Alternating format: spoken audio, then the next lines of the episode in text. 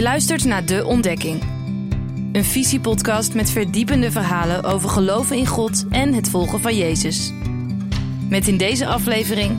Reinier Sonneveld.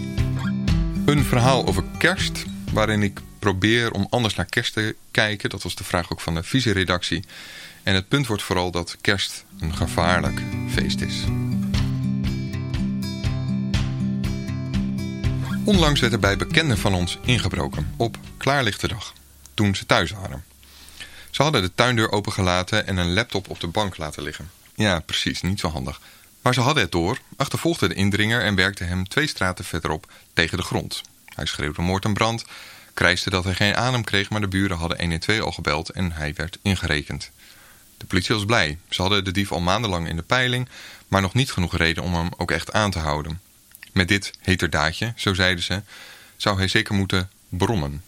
Het is binnenkort kerst. Ik probeer het perspectief om te draaien en me in te leven in Herodes. Herodes moet zich ongeveer hebben gevoeld als die bekende van ons die bestolen werd. Er zijn natuurlijk allerlei verschillen, maar ik bedoel het zo. Herodes was een diep onzekere man. Hm, daarin lijkt hij dan weer niet op onze bekende. De meeste Joden minachten hem. Hij was een marionet van de Romeinse bezetters, genetisch geen echte Jood en hij leefde losbandig. Herodes probeerde wanhopig de gunst van de Joden te winnen. Hij breidde zelfs de tempel in Jeruzalem uit tot een wereldwonder, maar het lukte niet. Hij vocht zijn leven lang voor erkenning, maar werd steeds eenzamer en eindigde als een diep paranoïde man die iedereen om zich heen liet afmaken. In deze periode komen de wijzen uit het oosten bij me op bezoek met een vaag verhaal. Ze hebben in de sterren gelezen dat er in de buurt een nieuwe Joodse koning is geboren. Herodes hoofd ontploft. Dit is precies waar hij zo bang voor is geworden. Maar hij regelt het zoals hij het deze jaren telkens regelt. Hij laat gewoon alle jongetjes in Bethlehem afslachten, in totaal 10 tot 20 kindjes. Even rust. Een paar uur geen angst. Voor het dorpje is het een zwarte bladzijde in hun geschiedenis, dat nog generaties lang zijn sporen moet hebben nagelaten. Iedereen daar kende alle kindjes die waren gedood. Iedereen had een broertje of zusje of een zoontje of broertje of neefje verloren. Daarom vergelijk ik het met die bekende van ons. Ook hij voelde zich op zijn eigen terrein bedreigd, terwijl hij dacht alles prima geregeld te hebben. Maar uiteindelijk wist hij het toch op te lossen. Voor Herodes voelde het als echt onrecht. Hij had zo hard gewerkt. Die indringer was zo oneerlijk. Die flink terugpakken, dat was nog het minst wat hij kon doen. Achteraf weten we uit de Bijbel dat dit mislukte. Tegenwoordig kent iedereen de naam van dat kindje dat wist te ontsnappen, terwijl bijna niemand iets over Herodes weet te vertellen. In naam van dat kindje zijn duizenden van de prachtigste godshuizen gebouwd, terwijl van Herodes tempel alleen nog een restje klaagmuur over is.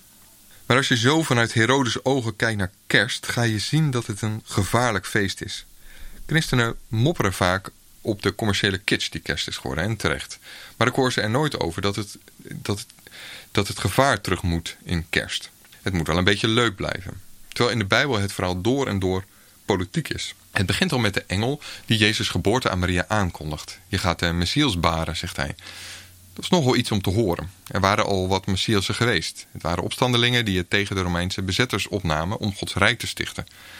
Maar uiteindelijk werden afgemaakt. Wat denk je als tienermeisje als je hoort dat jij de volgende Messias in je draagt? dan die volkstelling. Dat is hoe een regering controle uitoefent. Als je ergens op een lijst staat, kunnen ze belasting heffen. En dat werkt nog steeds zo. Het begint al met dat je je kindje bij de burgerlijke stand moet aanmelden. Later kom je op duizenden lijsten, allemaal bedoeld om de rust te bewaren in een land. En als de leiders niet zo fris zijn, om je te onderdrukken. Dat Jozef en zijn zwangere Maria zich moeten laten inschrijven... betekent dat ze buigen voor het Romeinse Rijk.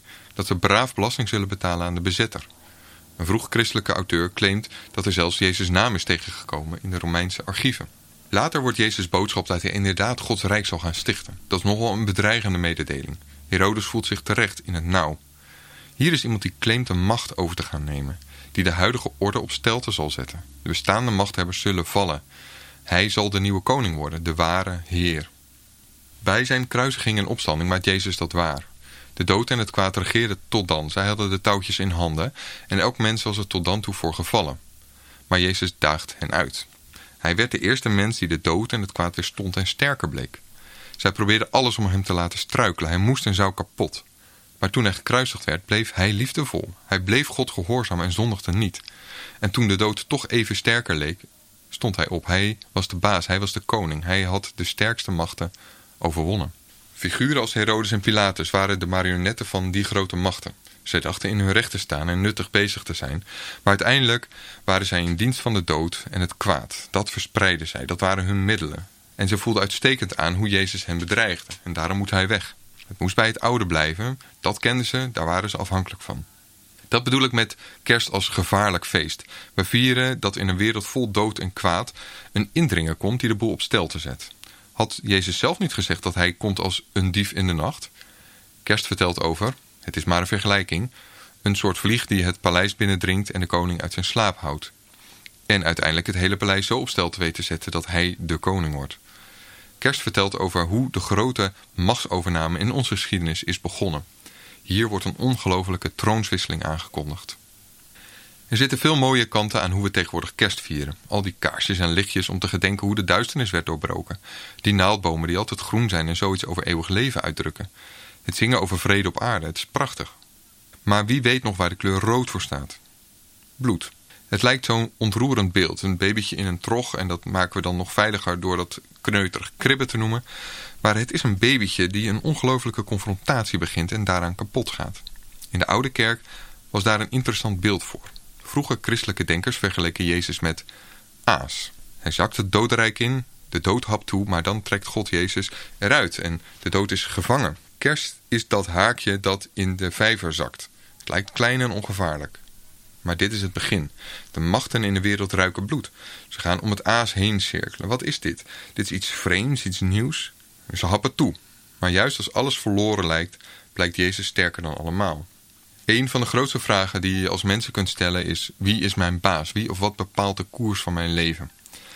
Als je daarover doordenkt, zul je merken dat er veel krachten groter zijn dan jijzelf. Je genen, je opvoeding, de tijd, de natuurwetten. Kerst daagt die machten uit. Binnenkort wordt Jezus hier. Het leven en de liefde zullen winnen. En de vraag voor een kerst is voor iedereen: aan wie of wat ben jij loyaal? Wie of wat laat jij toe als de baas van je leven?